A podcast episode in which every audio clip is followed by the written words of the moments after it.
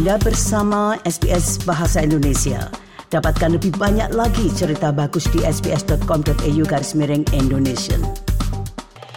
Para pendengar sekalian, kepuasan terhadap demokrasi di Australia masih kalah dibandingkan negara-negara tetangganya di Indo-Pasifik. Demikian salah satu temuan dalam laporan dari Australian National University.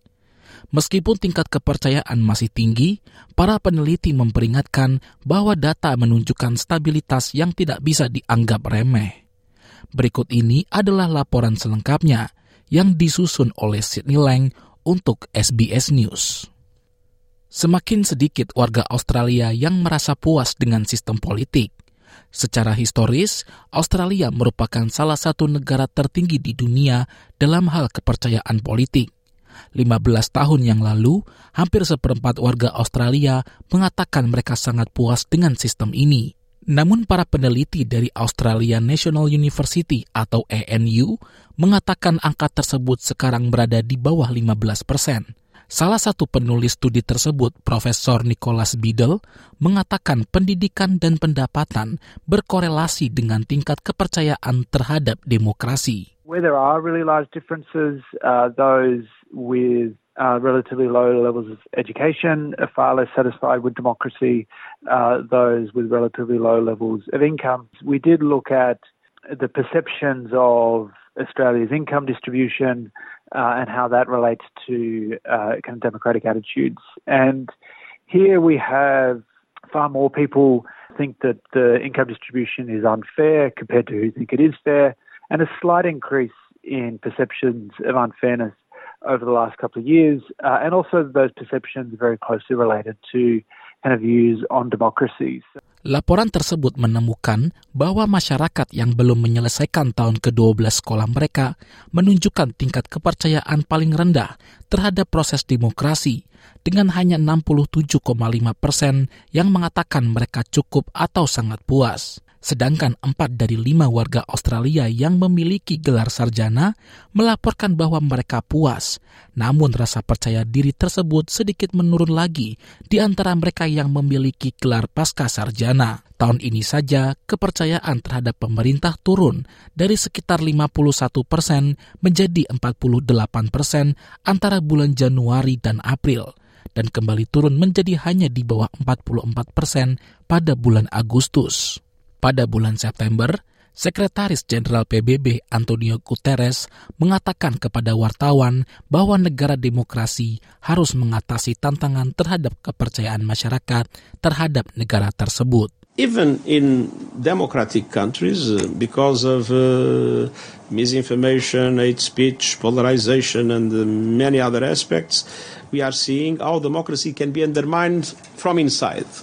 And so these are two main concerns that we have, and I believe it's extremely important to fight those that are abusing their authority to limit democracy, but also to address the root causes of the loss of trust.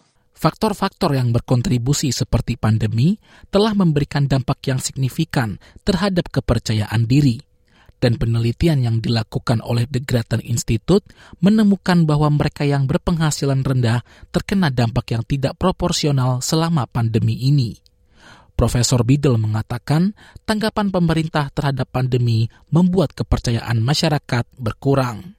I mean, COVID-19 was one of the biggest shocks which we've experienced, and the way in which government responded to those shocks is, is certainly explains some of those differences. And we can see that in a in kind of when we look through time in Australia as well. So early on in the pandemic, when uh, infection rates were low uh, and most of the public health measures were know, kind of seen to be effective, uh, then confidence in government was quite high. But as soon as there was kind of a, an indication that in terms of the vaccine rollout and, and that aspect of the policy response to COVID, as soon as there was kind of evidence that the government hadn't handled that very well, uh, then that confidence kind of dried up. Penurunan ini menempatkan Australia di belakang negara-negara tetangganya di Indo-Pasifik yang kini berada di peringkat keempat di belakang Vietnam, Kamboja, dan Taiwan.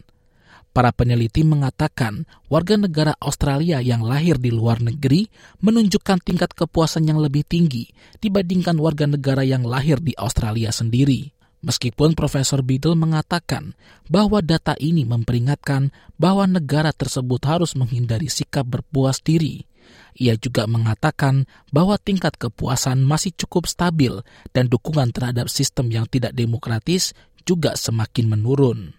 The extent to which people held what you might call anti-democratic views there, there's much more positive news. So, relative to the region, uh, Australians are far less likely to think we should get rid of parliament, that we should only have one political party, that the army or military should govern, and we should get rid of elections. Uh, and also through time, Australians appear less likely to kind of support kind of anti-democratic attitudes. Um, so it's kind of a positive story. Temuan penelitian ini bersumber dari ANU Australian National Study, ASEAN Barometer Survey, dan ANU Poll, serangkaian tiga jejak pendapat yang dilakukan ANU setiap tahunnya.